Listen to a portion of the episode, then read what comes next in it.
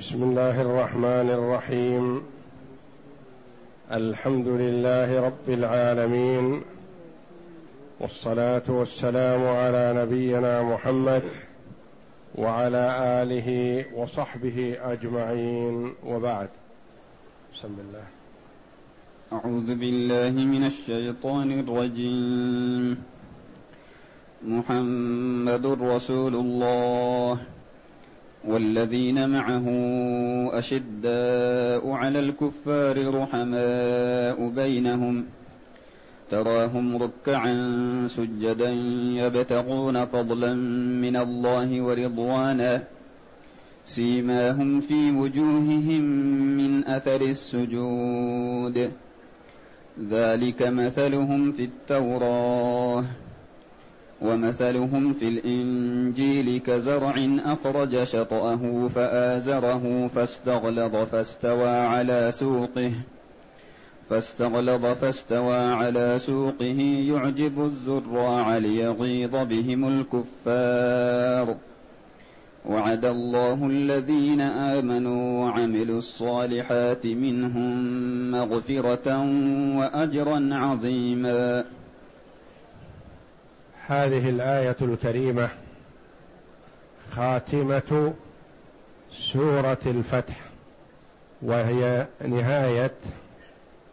القسم الاول من القران السور الطوال جاءت بعد قوله جل وعلا لقد صدق الله رسوله الرؤيا بالحق لتدخلن المسجد الحرام ان شاء الله ان شاء الله امنين محلقين رؤوس محلقين رؤوسكم ومقصرين لا تخافون فعلم ما لم تعلموا فجعل من دون ذلك فتحا قريبا هو الذي ارسل رسوله بالهدى ودين الحق ليظهره على الدين كله وكفى بالله شهيدا محمد رسول الله والذين معه اشداء على الكفار رحماء بينهم الايه بعدما بين جل وعلا في قوله تعالى هو الذي ارسل رسوله بالهدى ودين الحق ان الله جل وعلا شهد لرسوله صلى الله عليه وسلم بانه رسول الله ومعه الدين الحق اكد هذا بقوله جل وعلا محمد رسول الله فسماه جل وعلا باسمه بقوله محمد رسول الله فمحمد مبتدا ورسول الله خبره جمله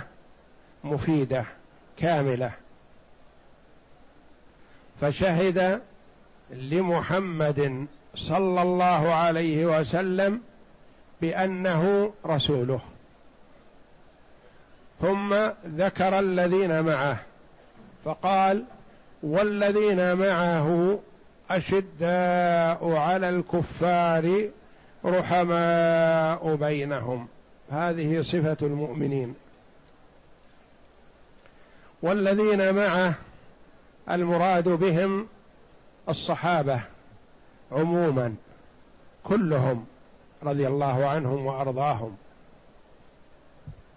وقيل المراد بهم الذين حضروا معه صلح الحديبيه والاول اولى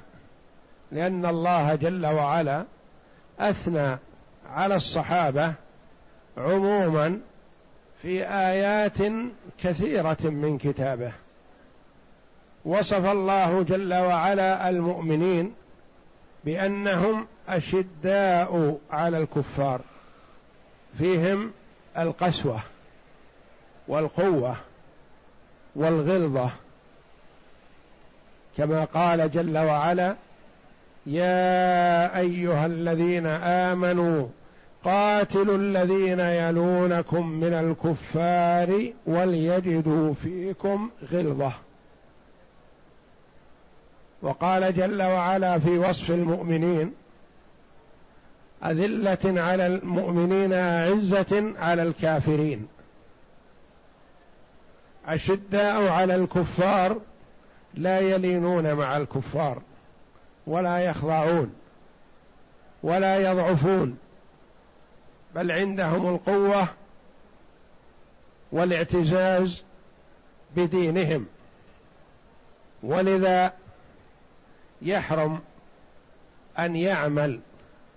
المسلم خادما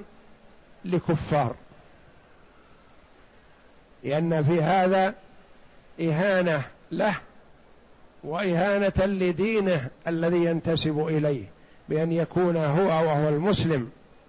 العزيز على الله جل وعلا يخدم أعداء الله يكونون في جانب مع الكفار غلاظ شداد أقوياء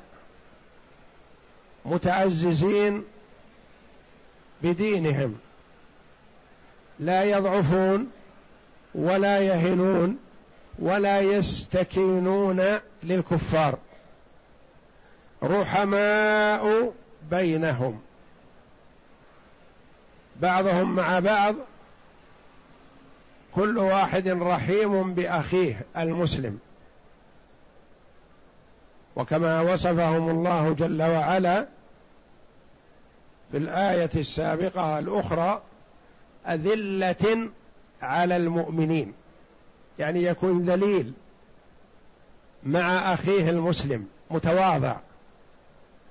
كأنه يخدمه أو كأنه أخوه الصغير أو كأنه ابنه لا يقسو المسلم على المسلم وإنما يتذلل له ويتواضع وقد قال عليه الصلاة والسلام مثل المؤمنين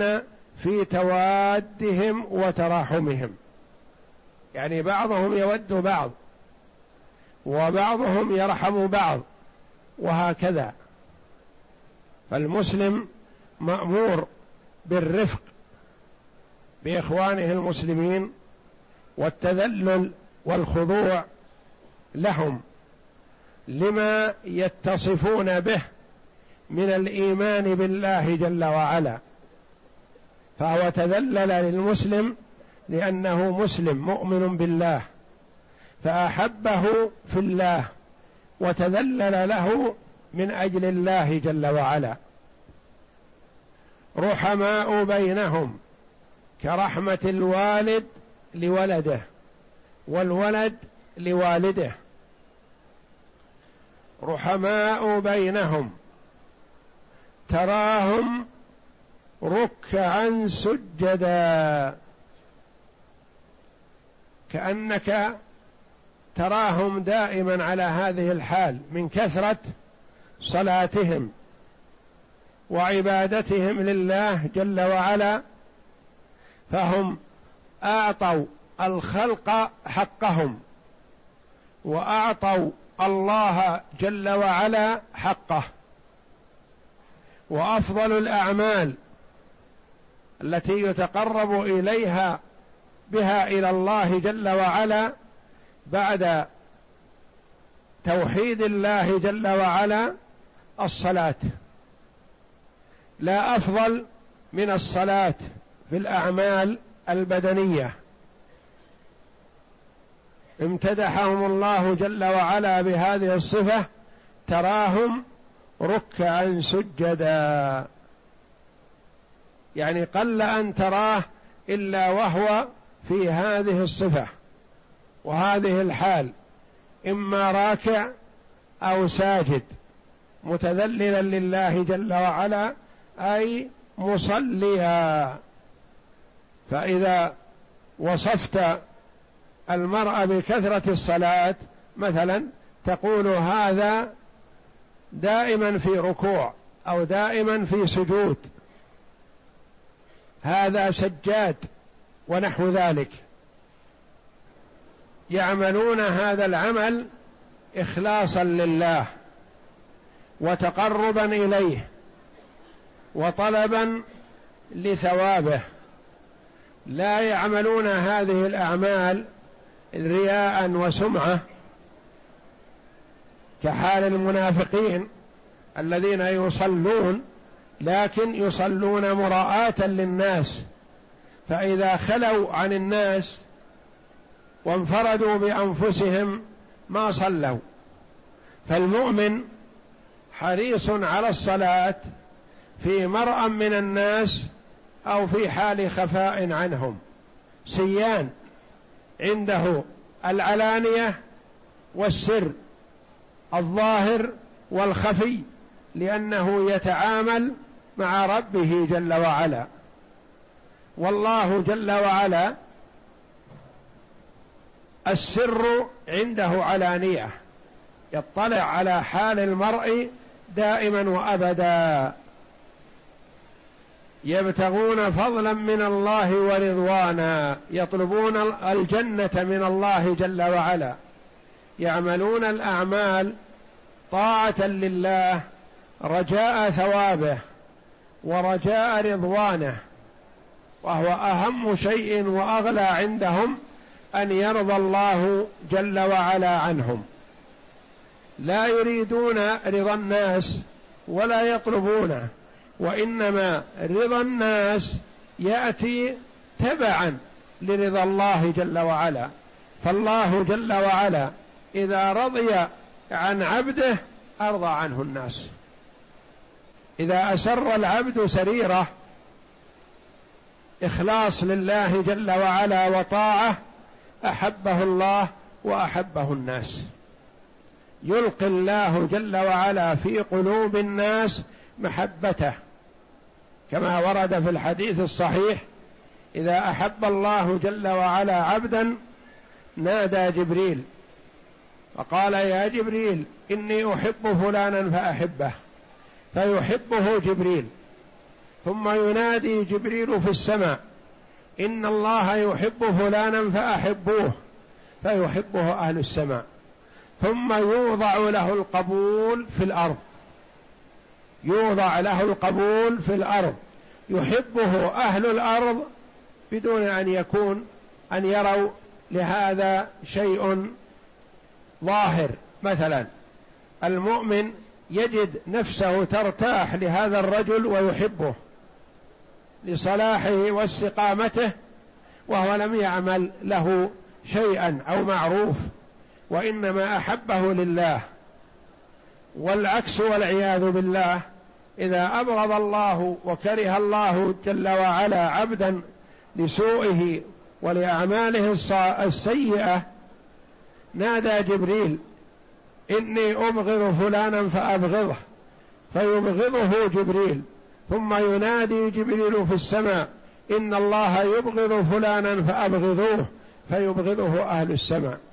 ثم توضع له الكراهية والبغضة في الأرض والعياذ بالله يكرهه الناس ويبغضونه وهم لا يرون أنه عمل نحوهم شيئا يستدعي ذلك وإنما لأنه عاص لله جل وعلا فأبغضوه وكرهوه لذلك فالمؤمن يعمل بعض الأعمال الصالحة سرا فيحمد عليها من دون ما يشعر ومن دون أن يظهر للناس لأن المرأة إذا تقمص شيئا سرا ألبسه الله جل وعلا إياه علانية ان خيرا فخير وان شرا فشر فالرجل الصالح تجده محبوب عند الناس مرغوب فيه يدعى له بالخير ويثنى عليه ويترحم عليه اذا مات والمرء قد لا يعرفه وانما يسمع عنه لانه مطيع لله والاخر والعياذ بالله يكره ويبغض ويدعى عليه لأنه عاص لله لأنه عدو لله ولرسوله فهم في هذه الأعمال تراهم ركعا سجدا ماذا يطلبون يطلبون ويبتغون فضلا من الله ورضوانا لا يريدون عملا دنيويا ولا يريدون جاها ولا يريدون ثناء الناس ولا يريدون مدحهم واحب شيء اليهم ان يكون العمل سر ولهذا جعل الله جل وعلا من السبعه الذين يظلهم الله في ظله رجل تصدق بصدقه فاخفاها حتى لا تعلم شماله ما تنفق يمينه كانه يخفي حتى عن نفسه تخفي يمينه عن شماله من شده اخفائه لماذا ما يريد من الناس شيء وانما لانه يتعامل مع ربه وهو مؤمن بان الله يراه وهذه اعلى درجة يتصف بها العبد لله جل وعلا وهي درجة الإحسان درجة الإحسان هي أعلى الدرجات أدناها درجة الإسلام ثم درجة الإيمان ثم أعلاها درجة الإحسان وهي أن تعبد الله كأنك تراه فان لم تكن تراه فانه يراك جل وعلا تعبد الله كانك تشاهده ومن المعلوم انك لا تشاهد الله ولا تراه في الدنيا لان الناس والعباد في الدنيا ليس عندهم القدره والقوه التي يستطيعون فيها النظر الى الله جل وعلا ويمنحهم الله جل وعلا القوه في الدار الاخره فالذ شيء عندهم واغلى شيء هو النظر الى وجه الله الكريم جل وعلا اما في الدنيا فما يستطيع المخلوق ان ينظر الى الله جل وعلا ما يستطيع ما يتحمل كما قال الله جل وعلا لموسى على نبينا وعليه افضل الصلاه والسلام لما قال موسى رب ارني انظر اليك قال لن تراني ولكن انظر الى الجبل فان استقر مكانه فسوف تراني ما استقر مكانه الجبل فلما تجلى ربه للجبل جعله دكا اندك وخر موسى صعقا فلما افاق قال سبحانك تبت اليك فبعض الخرافيين الذين يزعمون انهم يرون الله او يشاهدون او انهم وصلوا الى حد المشاهده فسقطت عنهم التكاليف هذا كفر وضلال وجهل بحق الله جل وعلا التكاليف الشرعيه ما تسقط عن احد لو سقطت عن احد مع وجود العقل لسقطت عن الرسول صلى الله عليه وسلم والله جل وعلا قال له واعبد ربك حتى ياتيك اليقين حتى الموت لا تتوقف لم يجعل لعباده المرء لله جل وعلا حدا دون الموت فالذين يزعمون المشاهده ونحو ذلك هذه من الضلالات ومن تلاعب الشيطان بالناس من الكفر والتمويه على ضعاف العقول والبصيره يبتغون فضلا من الله ورضوانا يعبدون الله جل وعلا لذاته لا رياء ولا سمعه سيماهم في وجوههم من اثر السجود سيماهم السيما العلامة سيماهم في وجوههم من أثر السجود من أثر الطاعة ما هذه السيما السيما العلامة وما هي وهل هي في الدنيا أو في الآخرة قولان للمفسرين رحمهم الله قال بعضهم سيماهم في الآخرة بيض الوجوه إذا اسودت وجوه الكافرين والظالمين والمنافقين ابيضت وجوه المؤمنين يقول عليه الصلاة والسلام أمتي تأتي يوم القيامة يأتون غرا محجلين من أثر الوضوء أثر الوضوء الذي ترتب عليه جاء بعده الصلاة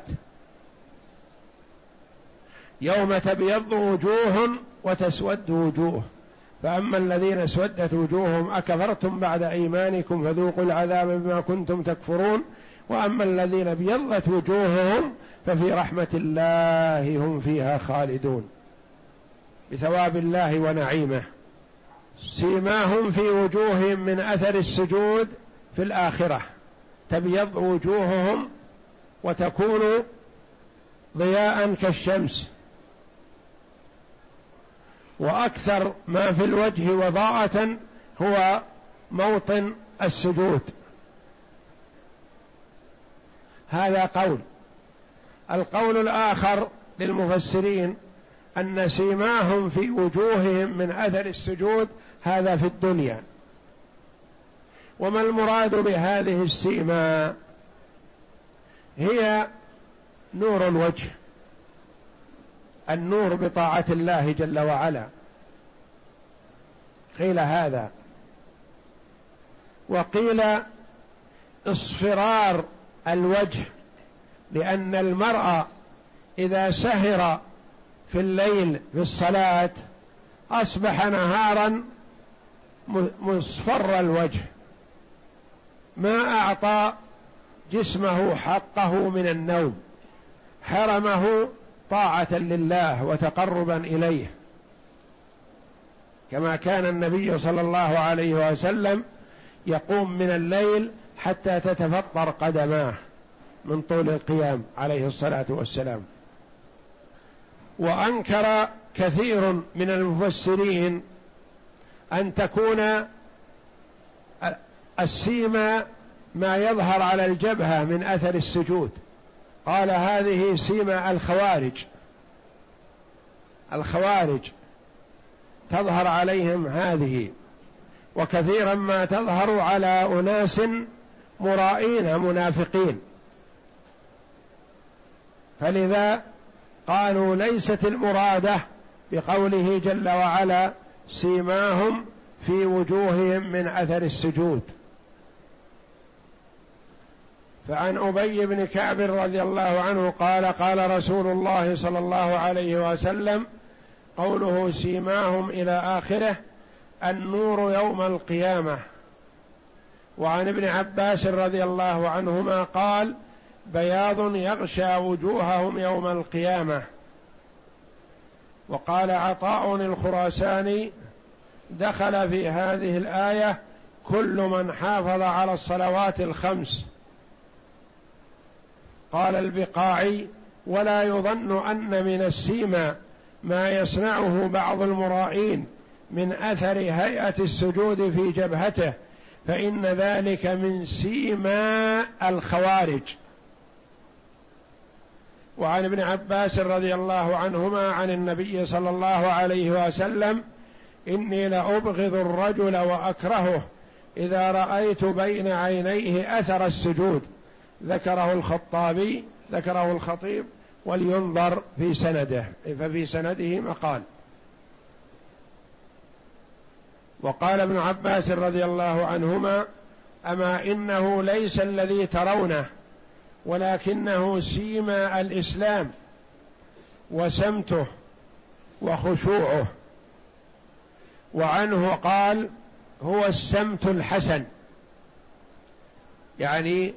الهيئه والوقار الحسن والاستقامه والظهور بالمظهر المناسب للرجل المسلم بان يكون ذا هيئه ووقار وقال ابن جريج هو الوقار وقال الحسن اذا رايتهم رايتهم مرضى وما بهم وما هم بمرضى يعني انما هو من السهر بالعباده سيماهم في وجوههم من اثر السجود ذلك مثلهم في التوراه ومثلهم في الانجيل كزرع اخرج شطه للعلماء رحمهم الله في الوقف في هذه الايه قولان القول الاول ذلك مثلهم في التوراه انتهى ومثلهم في الانجيل كزرع اخرج شطاه القول الثاني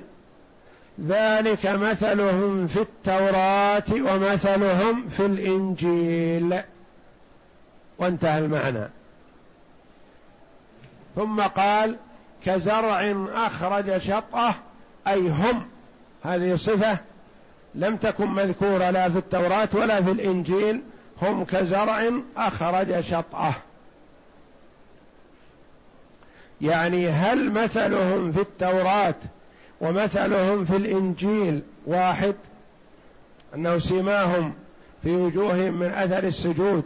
هذا مثلهم في التوراه وهو مثلهم في الانجيل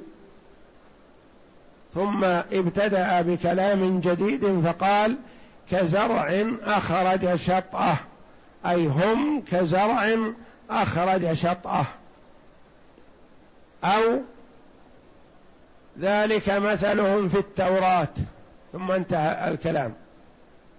ومثلهم في الانجيل كزرع اخرج شطاه فازره الايه قولان للمفسرين وكلاهما صحيح والتوراه هي الكتاب الذي تكلم الله جل وعلا به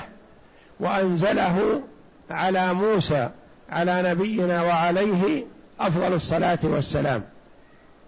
والانجيل هو الكتاب الذي تكلم الله جل وعلا به وانزله على عيسى على نبينا وعليه افضل الصلاه والسلام والكتب المنزله من الله جل وعلا اربعه التوراه والانجيل والزبور والقران الزبور على داود وآتينا داود زبورا وهذه الكتب التوراة والإنجيل لم يتكفل الله جل وعلا بحفظها لأنه جل وعلا أراد نسخها وليمتحن أهل الكتابين فاستحفظهم على كتاب الله فغيروا وبدلوا وزادوا ونقصوا وحرفوا في القران فالله جل وعلا تكفل بحفظه كما قال تعالى انا نحن نزلنا الذكر وانا له لحافظون فهو والحمد لله بايدينا الان كما نزل على محمد صلى الله عليه وسلم وكل من اراد ان تمتد يده الى القران بتحريف او زياده او نقص رد الله جل وعلا كيده في نحره وابطل صنيعه وفضحه امام العباد وذلك لان الله جل وعلا اراد بقاء التشريع القراني الى ان يرث الارض ومن عليها في اخر الزمان يرفع القران من المصاحف ومن صدور الرجال اذا اراد الله جل وعلا نزع الخير عن اهل الارض وبقي فيها شرارها وعليهم تقوم الساعه فشرار الخلق كما قال عليه الصلاه والسلام صنفان من هذه الامه امه الدعوه هم الذين تقوم عليهم الساعه وهم احيا والذين يتخذون القبور مساجد ومع الاسف الشديد كثر في بقاع العالم اتخاذ القبور مساجد يبنون المساجد على القبور وهم ملعونون على لسان محمد صلى الله عليه وسلم فقد لعن رسول الله صلى الله عليه وسلم زائرات القبور والمتخذين عليها اي على القبور المساجد والسرج يعلقون السرج على القبور هؤلاء ملعونون على لسان محمد صلى الله عليه وسلم فالتوراه والانجيل والزبور والقران هي الكتب الاربعه التي انزلها الله جل وعلا وخاتمها واخرها القران العظيم الذي لا ياتيه الباطل من بين يديه ولا من خلفه والله جل وعلا وصف هذه الامه تكريما لها في الكتب السابقه ومدحهم في الكتب السابقه ذلك مثلهم في التوراه ومثلهم في الانجيل يعني المتقدم هو مثلهم في التوراه وهو مثلهم في الانجيل وكرر كلمة مثلهم تأكيدا ويصح أن يكون الوقف على قوله تعالى ذلك مثلهم في التوراه ثم بين جل وعلا مثلهم في الانجيل بقوله ومثلهم في الانجيل كزرع اخرج شطاه مثلهم بهذا المثل المحسوس الذي يدركه كل احد كزرع امه محمد صلى الله عليه وسلم تبدا وتنشا نشاه قليله ضعيفه ثم تقوى شيئا فشيئا اولا محمد صلى الله عليه وسلم ومعه افراد يعدون على الاصابع كما قال احدهم كنت ربع الاسلام يعني أربعة الذين على الإسلام وأبو بكر رضي الله عنه هو أول من أسلم من الرجال وحده مع النبي صلى الله عليه وسلم فبدأ الإسلام بمحمد صلى الله عليه وسلم ومعه أفراد قلة ثم قواه الله جل وعلا بصحابته الكرام رضي الله عنهم وأرضاهم كزرع أخرج شطأه زرع أخرج أفراخه تنبت الحبة بورقة واحدة ساق واحد فإذا بها بعد فترة يطلع لها أفراخ تحيط بها وتتقوى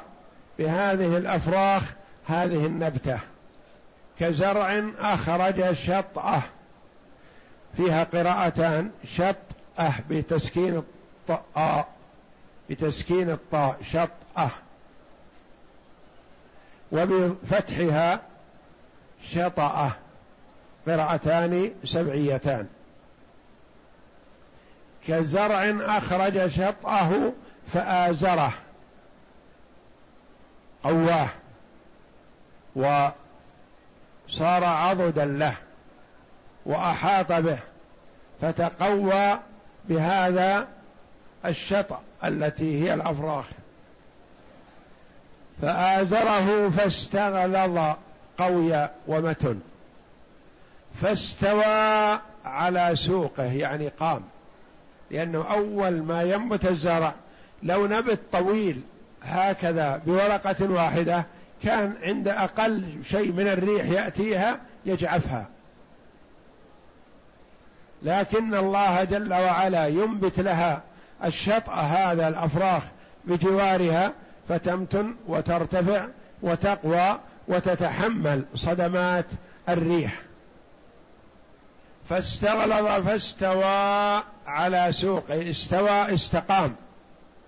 استقام على الساق لأن الساق متن بهذه الافراخ الملاصقه له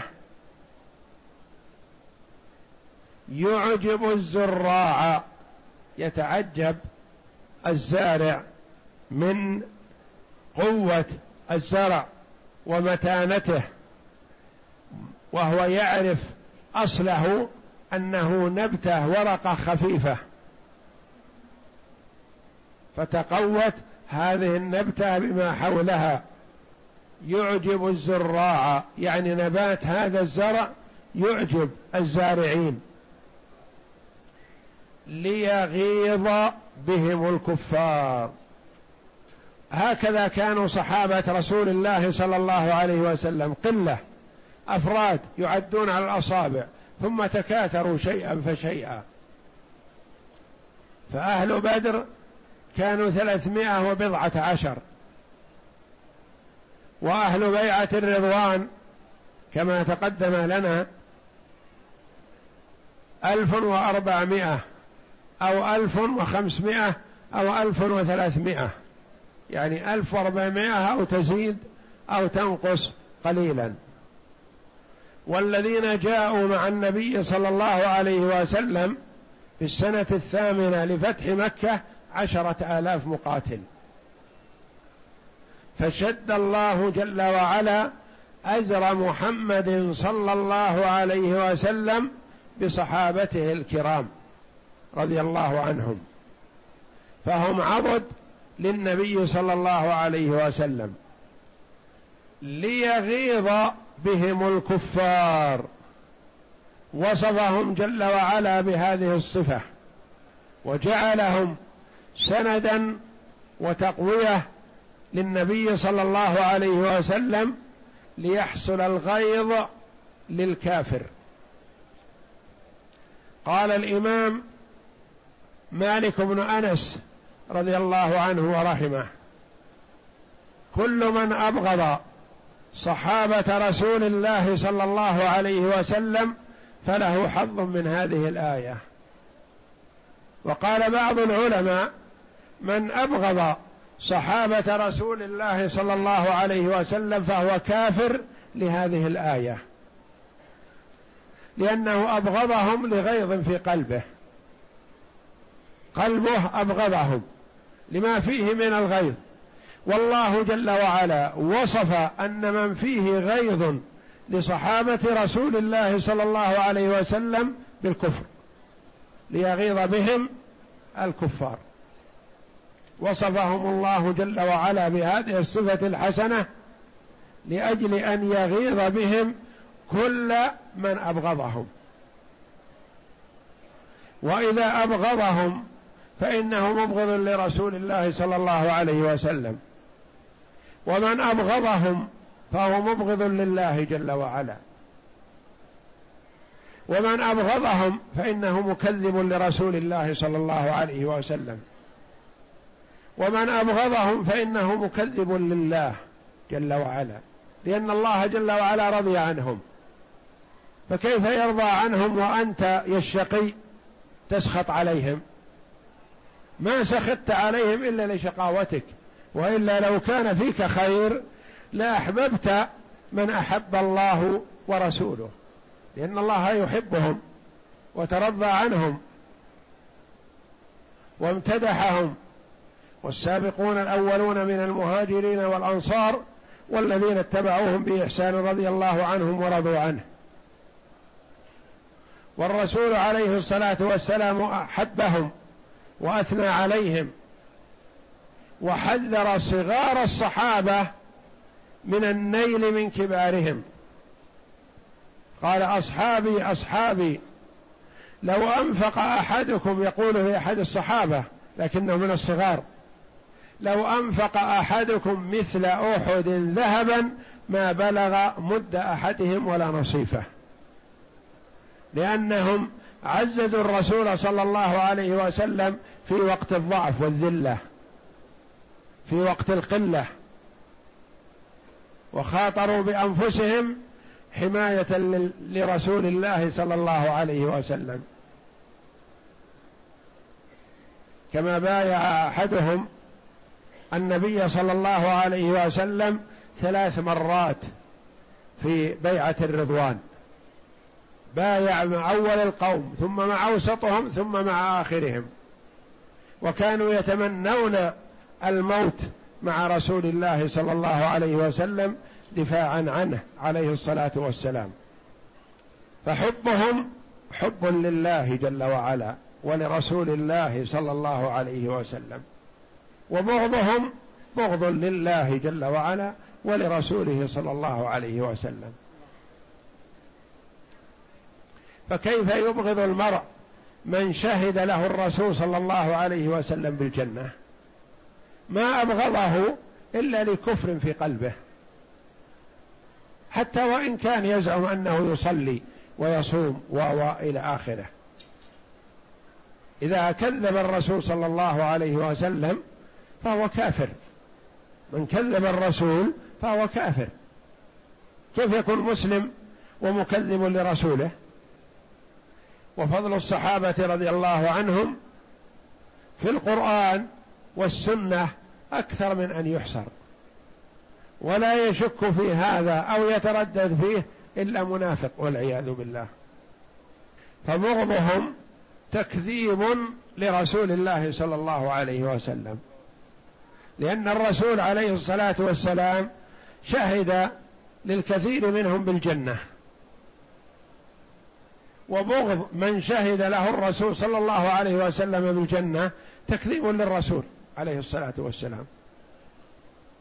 وفوق هذا هو تكذيب للقرآن لأن الله جل وعلا رضي عنهم فتبغض من رضي الله جل وعلا عنه أبغضت من احب الله فعاديت الله في ارضه نسال الله السلامه والعافيه يعجب الزراع ليغيظ بهم الكفار ذكرهم الله جل وعلا بهذه الصفه العظيمه ليغيظ بهم من في قلبه كفر يخبر تعالى عن محمد صلى الله عليه وسلم انه رسوله حقا بلا شك ولا ريب فقال محمد رسول الله وهذا مبتدا وخبر وهو مشتمل على كل وصف جميل ثم ثنى بالثناء على اصحابه رضي الله عنهم فقال والذين معه اشداء على الكفار رحماء بينهم كما الذين معهم الصحابة رضي الله عنهم نعم كما قال عز وجل والمؤمنون الآتون بعدهم يقتدون بسلفهم فسوف يأتي الله بقوم يحبهم ويحبونه أذلة على المؤمنين أعزة على الكافرين أذلة على المؤمنين يعني يكون المرء ذليل بجانب أخيه المسلم وعزة على الكافرين يكون عنده العزة والقوة والغلظة والشدة في جانب الكفار وهذه صفة المؤمنين أن يكون أحدهم شديدا عنيفا على الكفار رحيما برا بالأخيار غضوبا عبوسا في وجه الكافر ضحوكا بشوشا في وجه أخيه المؤمن كما قال تعالى يا ايها الذين امنوا قاتلوا الذين يلونكم من الكفار وليجدوا فيكم غلظه وقال النبي صلى الله عليه وسلم مثل المؤمنين في توادهم وتراحمهم كمثل الجسد الواحد اذا اشتكى منه عضو تداعى له سائر الجسد بالحمى والسهر وقال صلى الله عليه وسلم المؤمن للمؤمن كالبنيان يشد بعضه بعضا وشبك صلى الله عليه وسلم بين اصابعه كلا الحديثين في الصحيح وقال عليه الصلاه والسلام المسلم اخو المسلم لا يظلمه ولا يحقره ولا يسلمه من كان في حاجه اخيه المسلم كان الله في حاجته كان بعض السلف رحمه الله اذا استعصت عليه حاجه من حاجاته تركها وذهب يبحث عن عاجز عن حاجة له فيقضي له حاجته من أجل أن تقضى هو حاجته التي عجز عنها إيمان كامل بوعد الله جل وعلا ووعد رسوله صلى الله عليه وسلم يترك حاجته التي هو في امس الحاجه اليها ويذهب يبحث عن اخ له مسلم عاجز عن قضاء حاجته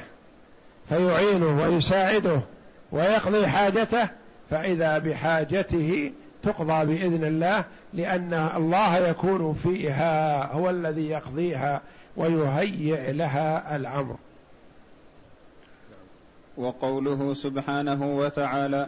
تراهم ركعا سجدا يبتغون فضلا من الله ورضوانا وصفهم بكثرة العمل وكثرة الصلاة وهي خير الأعمال ووصفهم بالاخلاص فيها لله عز وجل والاحتساب عند الله تعالى جزيل الثواب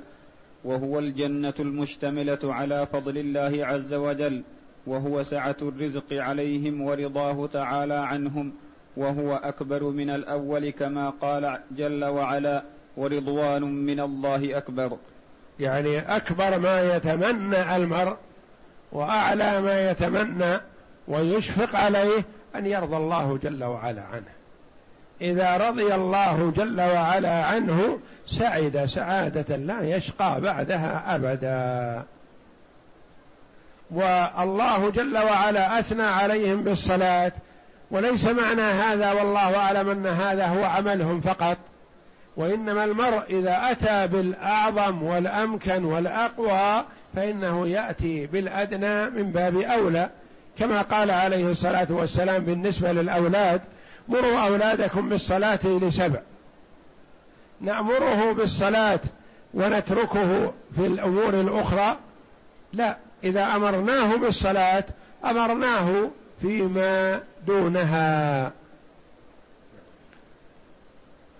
وقوله جل جلاله سيماهم في وجوههم من أثر السجود قال علي بن ابي طلحه عن ابن عباس رضي الله عنهما سيماهم في وجوههم يعني السمت الحسن وقال مجاهد وغير واحد يعني الخشوع والخضوع وقال ابن ابي حاتم حدثنا ابي قال حدثنا علي بن محمد التنافسي قال حدثنا حسين الجعفي عن زائده عن منصور عن مجاهد في قوله سيماهم في وجوههم من اثر السجود قال الخشوع قلت ما كنت أراه إلا هذا الأثر في الوجه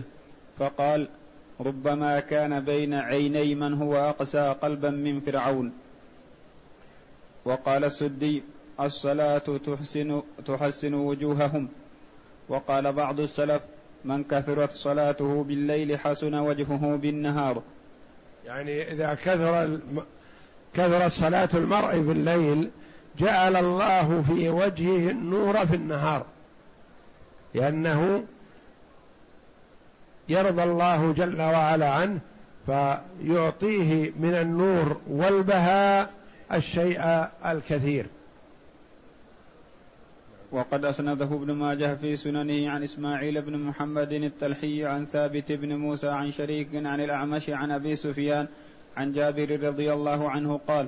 قال رسول الله صلى الله عليه وسلم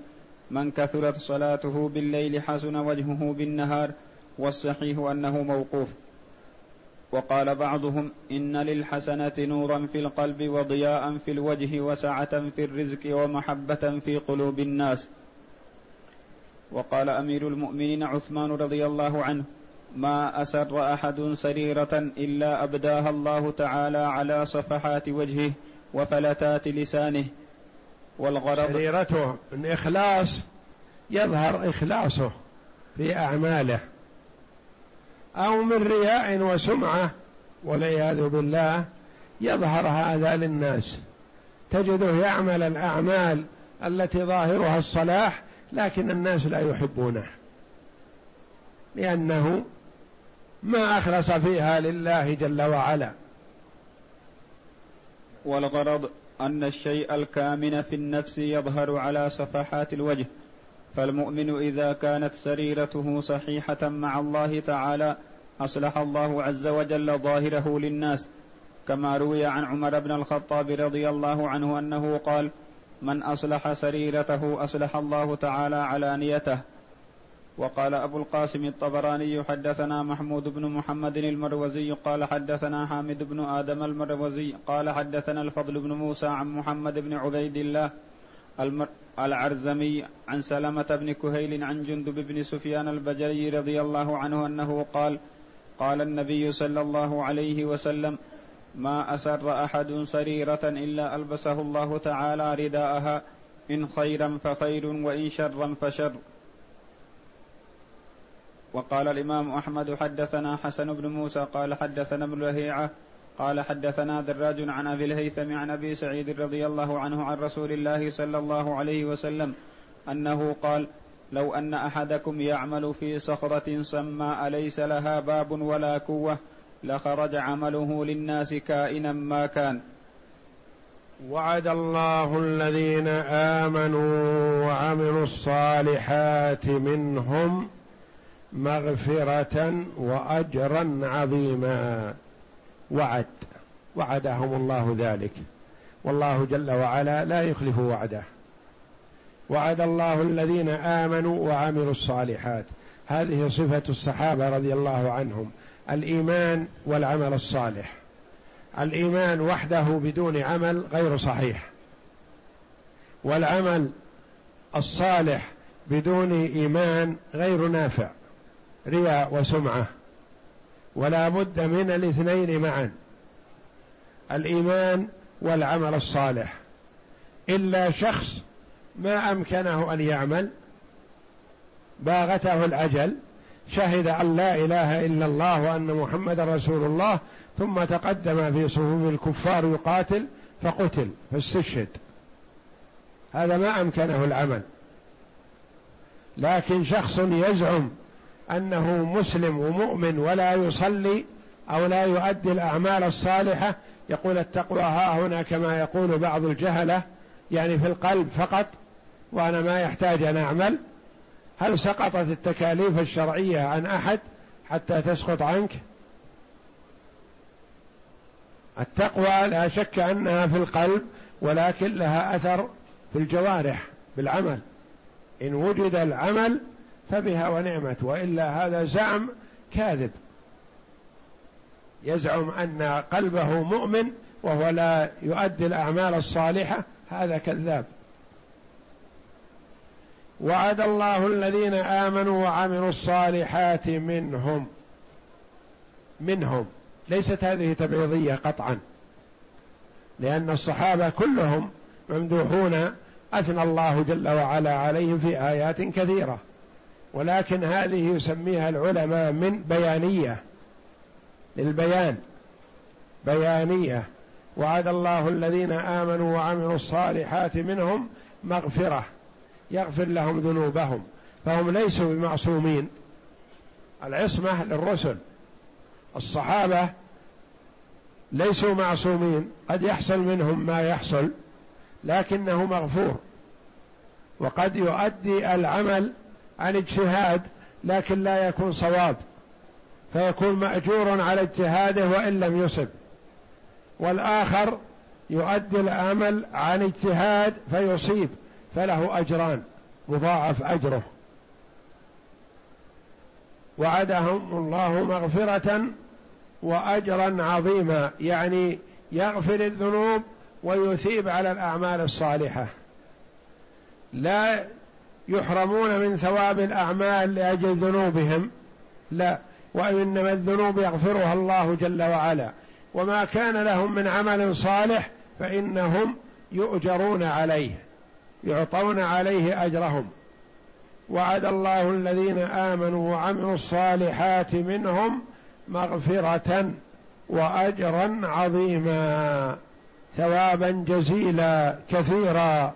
والله جل وعلا هو العظيم فإذا قال عن شيء عظيم فإنه عظيم حقا لأن الله جل وعلا لا يقول للشيء متوسط الحال أو الزهيد أو الحقير إنه عظيم فالله جل وعلا وعد صحابة رسول الله صلى الله عليه وسلم ومن نهج نهجهم الثواب العظيم في الدنيا والآخرة والله اعلم وصلى الله وسلم وبارك على عبد ورسول نبينا محمد وعلى اله وصحبه اجمعين